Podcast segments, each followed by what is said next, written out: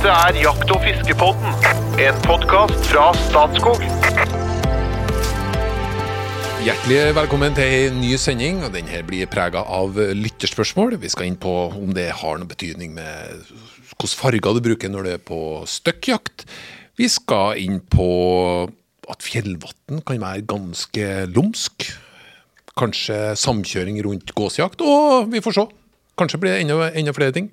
Jeg skal kaste mine solide eksperter her nå skal få kasta på seg spørsmål. De har fått stikkord til hva spørsmålene kan handle om. Men jeg er jo spent på om vi denne gangen endelig kommer på et område der eh, de ikke har peiling. De må bare si pass. Det har ikke skjedd ennå, men kanskje skjer det i dag. Altså, det går ikke an å forberede seg til lumske fjellvann. Hva er det for noe, da? Men du kan jo i hvert fall ha en viss sjanse til å lage en relevant limerick. Det er det jeg liksom Ja. Men eh, lumske fjellvanten, ja. Og den som ikke greide å dy seg, det var han som jeg skal presentere nå. Det er jo kunstnersjelen i podkasten. Han eh, har et, eh, ja, rett og slett et kunstnerisk forhold til livet. Meget, meget godt humør. Svinse Svinser nedover eh, livets landevei med bluesgitar og fluefiskestang. Og etter hvert hagle, og har gjort hobbyen til jobb i Norges Jeger og Fisk, informasjonssjef nå i NJFF, Espen Michael Farstad. Tusen takk. Hjertelig velkommen. Og så over til den mer bloddryppende, introverte, skumle karen med huset fullt av frysere og gården full av dieseldrevne kjøretøy. Han har jakta mer enn sitt eget fylke. Og har i tillegg raska med seg en doktorgrad i rypeforvaltning. Vi snakker om eh, Statskogs egen eh, jakt- og fiskesjef, Jo Inge Bresjeberget. Ja, tusen takk. Og nå, Bresjeberget, har jeg sagt hva jeg heter sjøl. Det tror ikke du har gjort. Jeg tror kanskje ikke jeg har gjort det, så det skal jeg gjøre nå. Det synes du skal gjøre. Til daglig, når jeg ikke lar dere skine med all den kunnskapen dere faktisk sitter inne med, så jobber jeg som kommunikasjonssjef i Statskog. I all beskjedenhet. I all beskjedenhet, ja. Er dere klar for eh, spørsmål? Det er vi. Ja. Signalfarge på støkkjakt. Det er Ragnar Hansen. Eh, Han sier først og fremst eh, at det er veldig kjekt å høre på podkasten. Det er lærerikt for en fersk jeger. Det elsker jeg å høre. fordi at det, ja. Det, og det kan jeg si, Ragnar. Jeg ser på En av mine fremste oppgaver det å stille de spørsmålene som er litt ubehagelige å stille, fordi at du, du helst ikke vil uh, fortelle hvor lite du vet. Men det er min jobb. Sånn at uh, vi får det godt forklart. Jeg hørte nettopp podkasten om støkkjakt på rype. Her snakket dere bl.a. om sikkerhet når en går to på jakt. Jeg og en kompis har gått noen jaktturer sammen. Mitt spørsmål er hvor mye har kamuflasje å si når en går støkkjakt på rype? Vi forsøkte oss en gang med både oransje caps og refleksbånd for å ivareta sikkerheten. Sikkerhetsmessig var dette genialt, eh, da det var særs lett å så, se hverandre eh, gjennom relativt tett vegetasjon. Men gjorde vi det samtidig lett for rypene å se oss på langt hold? Vi så ikke en eneste rype denne dagen. ikke sant? Bør en la den selvlysende capsen ligge hjemme når en går på støkkjakt på rype? Hvem som ønsker å starte? Dere er jo på hjemmebane begge to, vil jeg si. Vi har jo snakket litt om dette før også Ja. i Jakt- og fiskepodden. Vi har slått fast at fugler ser farger. Det er Ja. bare å se på brystet til Trond Gunnar, hvor eh, tiuren ruver med rødt over øyet. Yes. Eh, Det er ikke tilfeldig. Det, det er jo et, eh, noe de bruker. Sånn at de, ja, de ser farger. Kan ha bra syn òg. En Ja. del fugler har jo veldig bra syn. Ja. Mens vi har slått fast at hjortevilt derimot ser mer i gråtoner og lar seg ikke affisere av at du har farget bekledning. Men så kommer spørsmålet har dette noen praktisk betydning når du går støkkjakt på ryper. Eller for den saks skyld støkkjakt i skogen på skogsfugl. Ja. Eh, og da er, har jo vi konkludert tidligere med å si at eh, støkkjakt handler jo om å støkke fuglen. Stulen, fuglen er med andre ord egentlig klar over at du kommer. Han hører deg, ser deg, har en strategi om å ligge og trykke til det ikke oppleves trygt lenger, og så flyr den. Forhåpentligvis skjer det da eh, innenfor skyteavstand, sånn at du, får, du, du rekker å få et, eh, få et skudd etter fuglen. At den skulle stikke på lengre hold fordi den ser deg bedre når du går med en rød lue enn hvis du går med en kamuflasjefarga lue, det tviler jeg litt på. For jeg tror egentlig det er bevegelsen som er det som røper deg, først og fremst. Det er summen, egentlig. Ja. Så sannsynligvis er svaret nei, det betyr ikke så veldig mye. Uh, men jeg bruker grålue. det må jeg være. Sånn er det! Sånn er det. Ja, men, kan, Men husker ikke han, hva han het at Eh, Ragnar. Ragnar, ja. Eh, jeg tenker at eh, han sa han var fersk jeger, og han og en kompis hadde gått sammen noen turer. Jeg tenker han skal fortsette med den signalfarvecapsen sin. Og som Espen sier, så er det Vi vet jo at fugler ser da, farver. Eh, Men i, i den graden her, da, så er det, det er liksom summen. Altså, de, de trykker jo. Det er liksom det å flykte eller trykke, det er liksom det som det står på her, da. Og, og da er det også, hel- nærme kan du slippe en fiende inn på deg før enn det du må flykte. De vil jo helst ikke flykte, det krever jo energi, og de eksponerer seg. Da vil jo jaktfalken se dem. Eller kongeørna, for den del. Så det er jo altså, Det kan jo være veldig negativt. Så de vil jo helst ikke fly hvis de ikke må. De lever jo mesteparten av livet sitt på bakken. Og da er det liksom en sum da, av en lyd og, og bevegelse, og hvor nærme du er, da, ikke sant? og syne, eventuelt syne. da. Men de, ligger, de vil i all hovedsak ligge vekk ifra det. Altså vendt vekk ifra. De letter ikke mot det, de letter jo fra det. Ja. Og så er det da liksom en avveining hele tida. Hvor nærme skal jeg la dem slippe meg innpå meg før jeg drar. Og da er det nok ikke synet av den eh, refleksvesten den som gjør at de reiser. Det er nok andre avveininger. Og ha åpent der, ikke sant, om det, om det er i skog eller eh, De, de har lettere for å dra hvis det er veldig åpent terreng. Eksempel, de sitter åpent sjøl. I åpent terreng vil de dra på lengre hold. Og når de blir hvite og det er bar bakke, f.eks., vil de dra på veldig langt hold. Men hvis okay. det er åpent terreng, og du kommer gående på støkkjakt på rype, Ja.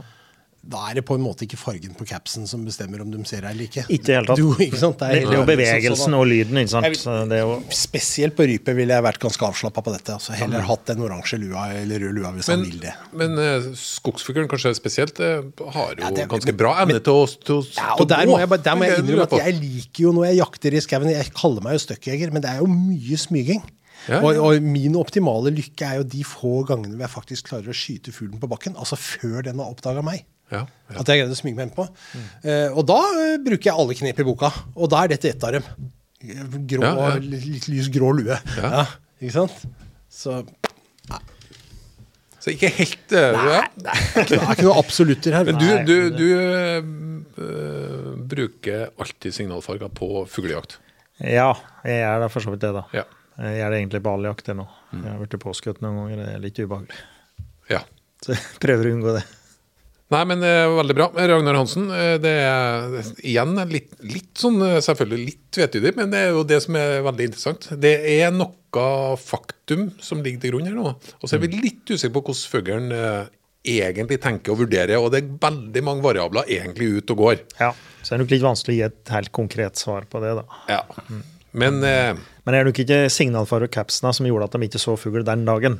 så tenker jeg, de er kompiser, ferske jegere. Det er ikke sikkert at det er så dumt å holde på med signalfarger uansett i en periode. til man blir Trygg på kompisen. Ja, Ja. Jeg kjenner at jeg liker ikke dette her. Altså. Det er fordi at dere legger nå på bordet en slags sannhet om at går du med signalfarger, så er du sikrere på jakt enn hvis du går uten. Det fins det ikke noe empirisk grunnlag for å si. Dette har vi diskutert før. Ja, vi har det. Ja, så jeg syns det er en forhasta konklusjon. Gå gjerne med den oransje lua hvis du har lyst til det, men jeg tror ikke du skal føle deg noe sikrere av den grunn. Det er andre ting som skal styre at du føler deg sikker. Du kan få ha en liten sånn rød prikk på brøstet da, når du er ute og går. For at Ragnar Hansen får nemlig en sånn T-skjorte. Og der har tiuren, eh, gammeltiuren litt sånn rødt over her. Ja, vi får håpe at ikke er den røde prikken kommer fra shotcam på Jeg skjønte, jeg skjønte akkurat når jeg sa det. Vi tusler videre. Ja. Og det er lumske fjellvatnene, eh, Ja, nå er jeg spent. Den Tor Arne Stensvik Høy. Jeg var med onkel på isfiske i et fjellvann i, ved Alta i februar. Og på vei opp fikk jeg beskjed om at vi måtte være klare klokka 11, for fisken beit kun mellom 11 og 12. Vel framme rigget vi oss til og begynte å fiske klokka 10. Ingenting skjedde. Før klokka 10.55. Derfra og ut til klokka 12 dro vi inn 69 ørreter. Før det igjen var bom stopp. Hvordan forklare dette fenomenet? Nå er jeg spent på om det kommer en veldig tilpassa limerick til akkurat det. For det, det var nemlig det lumske fjellvannet. Espen, Ja. Hva skjer her? Det, jeg har ikke lagd noe limerick på Lumsk fjellvann, dessverre. For jeg visste ikke hva det innebar. Om det var usikre, regulerte fjellvann, eller hva det var vi skulle snakke om da. Men det er Nei. Og så Ja. 69 Ja, og 0. Og det mest imponerende i dette her er jo den kunnskapen som var det onkelen eller hvem det var som hadde invitert ham med, besitter. Og, og, og omsetter den i praksis og blir en utrolig effektiv jeg, er jo, jeg får jo lyst til å være med. En sånn fyr, ikke sant. For dette er jo masse erfaring og kunnskap. Og det, det står ikke hvordan vannet er, og det er nok veldig bevisst i det fjellet. Men altså Artig historie, da. Veldig Ja. artig historie. Og jeg betviler den faktisk ikke. Eh, og vi har jo begreper som bet-tider og sånn, som vi kjenner godt som fisker mye. Eh, vi hadde jo en episode, har jo hatt en episode med Øyvind Fjellseth om abborfiske på isen. Da spurte vi liksom når på døgnet, og da var det litt mer Det kom litt mer sånn cirka-svar fra han, for jeg tror dette varierer litt, da. Så, ja. Men her er det jo ett vann, spesifikk bekktid, og det stemte helt. Ja. Det var fem minutter feil der, hørte jeg. Og det, var, det får være slingringsmonn vi aksepterer. Nei, vet du hva, jeg har ærlig talt ikke noe svar på dette. Han sa at det var i februar i Alta. Ja. Det er jo mørketida. Eh, og den tida som han nevner der, er jo den lyseste tida på døgnet der oppe. Så det han sier, er at eh, fisken blir mer aktiv når det tross alt er på det lyseste. Det er det nærmeste jeg kommer en forklaring her. Jeg, eh, jeg har ikke noe svar på den. Nei, ikke jeg heller, faktisk. Vi er kommet dit at uh, Jakt- og fiskebåten melder pass. Ja. Rett og slett. Det var jo så artig! ja, artig det. Vi må, vi, må, vi må ha litt mer informasjon, tenker ja, jeg. nei, men vi, Nei, men det er ikke sånn at man eh, Det er ikke alt man ennå har funnet svar på. Nei, nei, så vi er- er fulle av undring og like blide. Ja. Og vi veit som Espen sier, at det, noen vann kan være lumske, og det kan være i ei tid det biter. Litt slik kan jo ebberen være òg. Og så plutselig biter Men det er jo en stim, da. En stimfisk. Og så plutselig så treffer du på, og så biter det, og så er det tomt Det igjen. hørtes jo nesten ut som en steam her òg, hvis det var 69 ja, det, det, er som, det virker jo litt slik, da. Jeg tviler på at han kan bestille det hver gang. Og så bare reiser han opp, og så er det mellom 11 og 12. Nei, men altså, det funka jo. Vi får bare bøye oss for den. Tror det. Nei, jeg er jo litt redd, fordi at i Trøndelag, når du ypper til bråk, så kan jo sånn vank ørtæva, som det heter. Og nå når jeg serverte et spørsmål som eh, jeg følte eh, jeg følte det var, ble litt krevende å svare på, så er jeg jo litt, spent på resten av dagen. Men eh, vi skal holde oss i Det har du all grunn til å være. Ja, det skjønner jeg. Tor Arne, eh, i tillegg til 69 øreter, send beskjed, så får du en eh, T-skjorte som ikke kan kjøpes for penger. Neste spørsmål. Samkjøring av gåsejakt. Hei, jeg flyttet til Stavanger i 2009 og har siden jaktet en del gås på Jæren.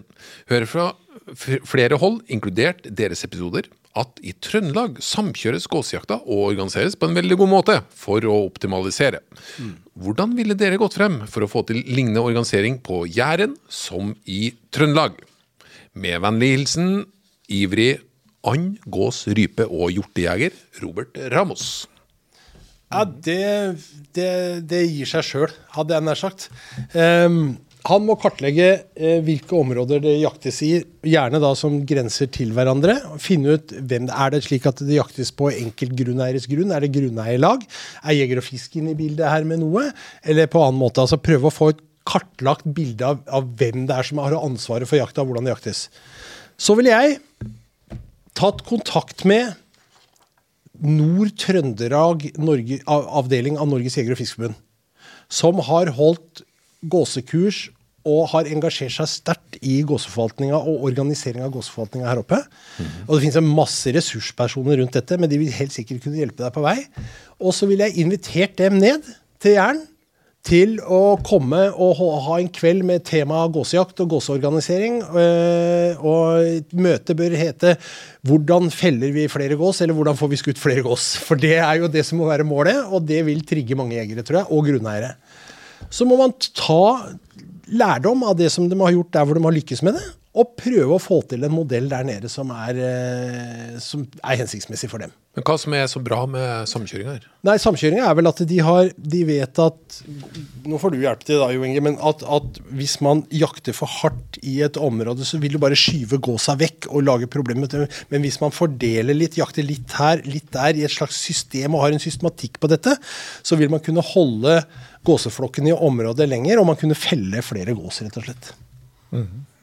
Gåsa er, eh, Nå prater vi kortnebb her i Trøndelag, ja, stort sett. Grågås og kortnebb. De er jo på gjennomreise. og Innom her og hviler. kommer fra, som kortnebbgåsa kommer fra Svalbard. Innom her og hviler skal de feide seg opp litt før de reiser videre sørover. Danmark, Nederland. Eh, og da er jo poenget da, med det her er jo at de skal få tida til å hvile, faktisk. Altså du har noen områder som, som det ikke jaktes på. Hvis du jakter på alle områder, slik som du sier her, da, på Jæren, så vil du da bare presse dem Da reiser de bare sørover. Videre sørover. De kommer til meg, f.eks., i Solør. Eh, og, og poenget er da å ha store nok områder, så at du kan ha og, og sjonglere på de hvileområdene. da. At du ikke jakter der. Og de kan variere. Det er jo god erfaring med det jo bare å lese opp, og det forsker ganske mye på det. Det er brukt eh, ganske mye penger fra Viltfondet bl.a. og forskningsmidler på å forske på grågås. Kortnegås. Det er jo da laga et felles prosjekt med danske og Nederland, og vi skal jakte på eh, vi jakter på bestanden og regulere den med jakt. Og, og da er det funnet ut akkurat det her, da. I samarbeid med jegere her. At det, det er veldig gunstig, da. Gjerne gunstig å ha, ha hvileområder, så at du da holder flokka der lenger, og slik sett får skutt i mer. For da jakter du intensivt der du jakter, og så har du hvileområder der de hviler. Da blir de lenger, og du får skutt i flere gås, rett og slett, enn om at alle jakter litt overalt. Men det må lages et system som gir en trygghet for at ikke det er noen få som skal få økte mye. ikke sant? Du må på en måte sikre at alle som er delaktige her, får sin del av kaka. da, Hvis ikke så vil dette bare forvitre av seg selv. Ja. For da gidder du ikke da å være med, og så legger det seg én på ett jorde, da, så er på en måte hele opplegget er torpedert. kjørt. Ja. Og det kan være nok uh, en tulling med refle og skutter seg i gås, og så reiser hele flokken, liksom. Det blir ikke vanskelig enn det. Og jeg mistenker, da, slik han, eh, han stiller spørsmålet, at det er kanskje litt dårlig organisert det han jakter. Og at det vil kreve litt organisering. Og her i Trøndelag, i hvert fall, altså langt på vei, så er det her et, har vært eh, initiert gjennom bl.a. bondeorganisasjoner. da, At det er på jorder. Ja. Så du har klart å samle bøndene i et større område. Og som Espen sa, enten et utmarkslag eller via bondeorganisasjoner. Altså et felles eh, løft sammen med jeger, jeger og fisk. da. Jeg vil kanskje anbefale også, jeg nevnte at de kunne prate med NJDFF i Nord-Trøndelag. De bør jo også prate med NJDFF i Rogaland, som har et veldig godt og velfungerende fylkeslag, som sikkert syns at en sånn type oppgave er spennende. Og det, de er jo et regionalt lag, ikke sant? Og her snakker vi om litt sånn regional. Og, og, og du vil kunne få mer jakt til flere, faktisk, med å gjøre det slik. da. Men hvis alle er opptatt av å si jegerjakt på, på det jorda eller de jorda en har tilgang på, så vil du ikke få det til. Men, men det, er, det er en liten utfordring, spesielt i Rogaland. Det har vi fått de siste åra. Nå har jo jakta to år på rad blitt stengt pga. fugleinfluensa her nede. Ja. Og det, det, er er, ja, det er en utfordring altså, som, eh, som må tas med inn i bildet her, som kanskje kan være litt sånn forvanskende. Ja. For det er vel en Men eh, vent litt med den. Ja. Eh, Vi har jo tross alt lytterspørsmål her, Espen. Ikke rot i systemet Jeg. Prøver å se ting i sammenheng, jeg, tror Gunnar. Ja. Nei, jeg får ikke jeg det inn i boksa, så, jeg, så går OCD-en eh, tar Men der, der fikk du jo en lissepasning av en overgang. Ja, men jeg er ikke helt det. Snakker vi mest om organisering av ambulerende jaktfrie områder? Ja. Et, et, du har et stort område, Ja. som du organiserer jakta i et stort område, og innenfor det store området må det ha jaktfrie områder. De bør ikke være ambulerende, det kan være faste om, Ok. områder men at det, det må være områder som er friområder. Mhm. Og for at eh, det er ikke alle bønder som syns det er greit også at de skal sitte og ta hele støyten med Nei, det det tenkte, ja. en, en eh, innkommende stor gåseflokk. Derfor så kan de være ambulerende, da. Ja. så du sprer trøkket. da. Det vil alle tjene på. Mhm. Men, eh, men det kan jo at du får det til og har det faste områder. Det vil gåse fryktelig fort skjønne hvor det er friområder eller ikke. Men, det- men det ligger jo i litteraturen. Det er jo bare å høre med Jeger og Fisk eller eh, søke opp de prosjektene som er, er gjort. Og det er som sagt forske en del på det. da. Ja. Robert Ramos, du ender opp med en eh, lekker T-skjorte. I tillegg så har du fått meget helt tydelige, klare råd til hvordan det går an å ta tak i saken. Eh, vi glir nå over til det en Espen allerede var litt inne på. For vi har fått et spørsmål fra vet ikke, Du vet ikke? Nei, jeg noterte meg spørsmålet, men ikke fra hvem. Så du som har stilt spørsmål om eh, fugleinfluensa Jeg er redd for at det er litt flere som har stilt om fugleinfluensa. Men eh, hvis du kjenner igjen spørsmålet, ta kontakt. Her står det Hvorfor velger Mattilsynet å stenge jakta ved påvist fugleinfluensa hos fjærkre? Hva er fordelen med dette? Som jeger tar en jo ikke med seg påskutt fugl inn i et klekkeri. Ja, eh, the, hva er fugleinfluensa? Vi starter litt sånn enkelt. ja, det er eh, som alle annen influensa. eh, et virus som sprer mellom arter. Og i dette tilfellet her, da, så er det, er det er fugler som rammes og sprer den. Og vi har to forskjellige typer som regel. da. Dette er jo avarter og slik. -hmm. Det har vi begynt å lære oss litt om de siste åra. Men det- vi prater om en høy og en lav patogen. da. Ja. Altså om den er i høy grad den er dødelig eller ikke. Og den høypatogene, da dør nesten alle fugler som får det.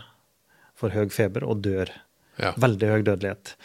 Ganske vanlig i tette bestander. eh, And, gås, eh, svanebestander. Og hvis du får den da inn i et, eh, et hønsehus, f.eks., et kyllinghus, eller noe, så vil du da i prinsippet ta ut alle da, på veldig kort tid. De dør på fryktelig kort tid. Ok. Ja, det Der, er der, har du, der har du potensielt mulighet til å, til å eh, vaksinere dem, for det eller Ja. gi dem medisin, men det går fryktelig fort. da, Som dør Mm. i løpet av et døgn eller to. Og så har det jo vist seg da at um, vi mennesker har jo en tendens til å bo tett i noen verdensdeler og ha dyr og mennesker sammen. Det har jo ikke vært en vellykket kombo i alle tilfeller. Eh, og det er jo påvist da eh, at fugleinfluensa faktisk kan, den ligner jo på vår influensa, kan smitte over på mennesker. Det er ikke vanlig, og som regel så går det bra, og liten sjanse for at du skal smitte fra menneske til menneske når det er ett menneske smittet av fugl. Men det har skjedd da da jeg var før årtusenskiftet, faktisk. Så var det en type høypatogen eh, fugleinfluensa som smittet av mennesker på et eget eh, marked. da. Folk her kjøper eh, ender, og så bor Mm. i Asia er det ikke uvanlig at du bor tett på fugler. da. Altså har, har husdyr, har dem som til mat. Wet market. Yes. Mhm. Og, og den første ungen, er i 97, så var det slik dere Det var tre, jeg tror jeg, 30 tilfeller eller noe, og 18 som døde. Altså, altså mennesker døde òg av det her. Og det er klart, eh, Da husker jeg at vi lagde planer for her er vi med fuglejakta i statsskolen. Så vi så for oss at vi måtte okay. stenge rypejakta og fuglejakta og alltingen.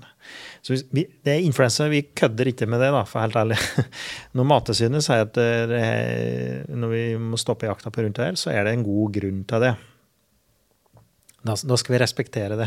Ja, er, men er grunn fare for oss mennesker, eller fare Nei. for eh, husdyrproduksjon, eller fare for viltet? Først og fremst fare for å spre til husdyrproduksjon.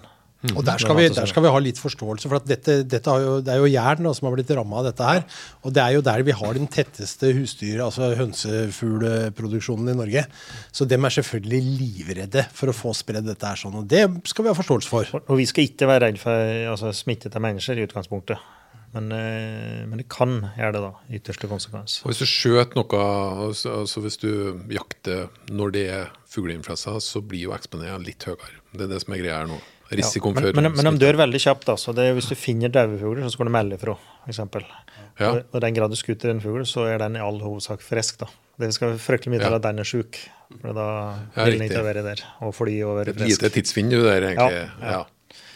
Men, men vi har jo hatt, vi har hatt litt historie på dette. for at I fjor så begynte jo dette her sånn. Da kom det varsel om fugleinfluensa funnet på noen fugler nede på Jæren. Og da blei det et absolutt jaktforbud eh, i Rogaland, vel, hvis jeg husker riktig, i fjor. Og det betyr at Én ting er at man stoppa andejakta på Orrvannet på, på Jæren, liksom, og gåsejakta, det som vi har snakka om her. Men man stansa også rypejakta oppe i Sirdalseinet. Ikke sant? Og det føltes veldig Ja. unødvendig, eller kanskje unødvendig strengt. da, synes Kanskje jeg. litt strengt, Men her var jo det, var, det er jo litt sånn panikk i, i Mattilsynet-kretser og sånn også, og veterinærkretser. Eh, vi i Jeger og Fisk var jo i, i møte med dem da. Fikk jeg ikke noe gjennomslag for at vi skulle kunne fortsette å jakte skogsfugl og rype der oppe. I år var vi litt tidligere på'n. Var i tette møter med Mattilsynet der nede, regionskontoret. Og vi støtter jo opp om, og vi ber jo om at jegerne blir sett på mer som en ressurs enn en potensiell utfordring i denne sammenhengen. Så vi aksepterer at det ble nedlagt et jaktforbud i disse 15 kommunene eller hva det var, der nede på, nede på flatlandet, liksom. Men vi fikk lov til å fortsette med skogsfugl og rypejakt eh, i, i, i fjellet. Dog ikke rugde. eh, og det var et sånn lite stridstema, for det foregår litt mer lavere i terrenget, er en veldig viktig jakt i Rogaland på den tida. Det er altså stående fuglehunder. Det er det de har på en måte på den tida. Og, og den, den kommer vi ikke gjennom med, da. Men eh, som, som liksom, eh, vi, vi, får lov til å jakte skogsfugl og, og rype, og, og, så stiller vi da opp uh, som, mat, som personell i felt. Mm. Og leter etter fugl og varsler hvis vi finner noe. alt mulig sånt. Liksom. For der har Et enormt apparat. Ja, det er jo det. Som, det som, som vi stiller felt, til disposisjon. Så vi prøver å spille på lag med myndighetene der. Da. Og så håper vi at vi liksom finner gode løsninger ut på det. Bringer meg rett over en limerick, selvfølgelig, om dette. Han, han, bruker, han, bruker, fem minutter på å skape den overgangen til Limericken. Nei da, Espen. Jeg gjør det. Og så er Limericken unnagjort på nesten no time. Sånn er det. En lidenskapelig gåsejeger fra Ulvensplitten var livredd for fugleinfluensadritten. Han fant en steindaud gjerdesmutt og tenkte nå er jakta slutt, men heldigvis var det bare en spurv med covid-19. Nei, det blir bok av dere også, Espen. Ja, gjør det, det, det, blir det, rett og slett. Det blir spennende. Eh, kunne tatt flere spørsmål, men jeg skal smette inn et eh, vanskelig valg og hot or not, og da er vi faktisk eh, i eh, mål. Mm. Eh, god, godlunt ikke, det, det, er ikke et vanskelig valg, det er et godt valg. Du får besøk av en person som aldri har spist vilt før, men som, har, som er veldig innstilt på å bli overbevist om at vilt er, det er god knall. Hva serverer du? Som aldri har smakt vilt før, ja. og som jeg skal servere til. Går også å vurdere å bli veganer, faktisk. Denne personen. Ja. Som må virkelig overbevises. Ja, nei, da, da ville jeg, da vil jeg eh, Jeg ville valgt en, en, klassiker i jakt- og fiskepod-sammenheng. Jeg ville rett og slett eh, tatt eh, denne her rådyrnakken som vi pleier å gjøre, og koke gryta den. For det, det, det, er mye smak, det er mørt kjøtt. Og det er ikke så lett å gjenskape det med noe annet enn vilt. Du kan selvfølgelig kjøpe noe oksekjøtt og prøve det, men det er noe eget med den der, og særlig rådyr, som har den lille sødmen i seg. liksom. Og så ville jeg hatt litt sånn trakanter eller trakanter chutney, lagd litt sånn der rundt dette her, og, og snakket om liksom liksom naturen, og om dette dyret som har levd et fritt og herlig liv helt til jeg klappa den ned, eh, og serverer den til deg i dag. Ja. Og alternativt så kunne jeg selvfølgelig ha servert deg Ikke flere nå. Hopp, hopp, hopp, hopp. Nei, ferdig. Så kunne jeg, jo, jo, men det var ikke det jeg skulle si. Jeg, skulle si, jeg, jeg var i argumentasjonen overfor denne kommende veganeren. Så jeg ville sagt alternativt så kunne jeg jo ha servert gris eller kylling eller annet dyrkjøtt. Ja, ja, men det gjør ikke jeg, for jeg serverer deg et tilnærmet lykkelig dyr. Mm -hmm. Ja, da skal du få lov til å Nei, du kan ikke servere samme. Du skal Nei. ta noe annet. Ja. ja, for jeg kunne jo funnet på å si det samme. For ja. jeg er jo ganske glad i å koke. Ja. koke kjøtt. Men uh, jeg hadde gått på rådyr, jeg òg. Og jeg hadde servert uh, en rosastekt rådyrsadel. Ja. Og det, det, det er slik jeg tester ut da, på folk som ikke eter noe særlig vilt hver. Så tester vi det. Hvis de ikke eter det, da eter de ikke vilt, vil jeg si. Så med passende tilbud og grønnsaker og uh, stekt poteter f.eks., og så rosestekt sadel. Eter du ikke det, da eter du ikke vilt. Jeg er helt sikker på at vi berga en veganer her nå. Jeg håper det. Ja. En framtidig jeger ble det plutselig. Eh, vi går ned for landing med hot or not. Eh, du som eh, lytter til oss, besøk oss også neste gang. Da kan du ta, ta med en venn eller to, hvis du liker det du hører. DumDum Boys, hot or not? Hot. hot. Villsvinjakt i Øst-Europa. Høtternot! or not? Hot. Høtternot! Høtt, høtt. ja, det er hot. Jo Inge. Ja. Villsvinjakt i Øst-Europa. Hot? Hot. Hot. Takk. Bildefilter på Instagram. Hot or not? Jeg syns det er litt fake. Not. Not. Hjorteoppdrett. Hot or? Hot. Not. Akvarium. Hot or not? Not. Hot. Fra Åge Aleksandersens album 'Sukker og salt', låta Kari og Knut! Hot or not? Et rungende hot fra i studio som vanlig. Vi fader ut og kommer tilbake neste uke. Vil ingen ende ta det? Nei, det vil ingen ende ta.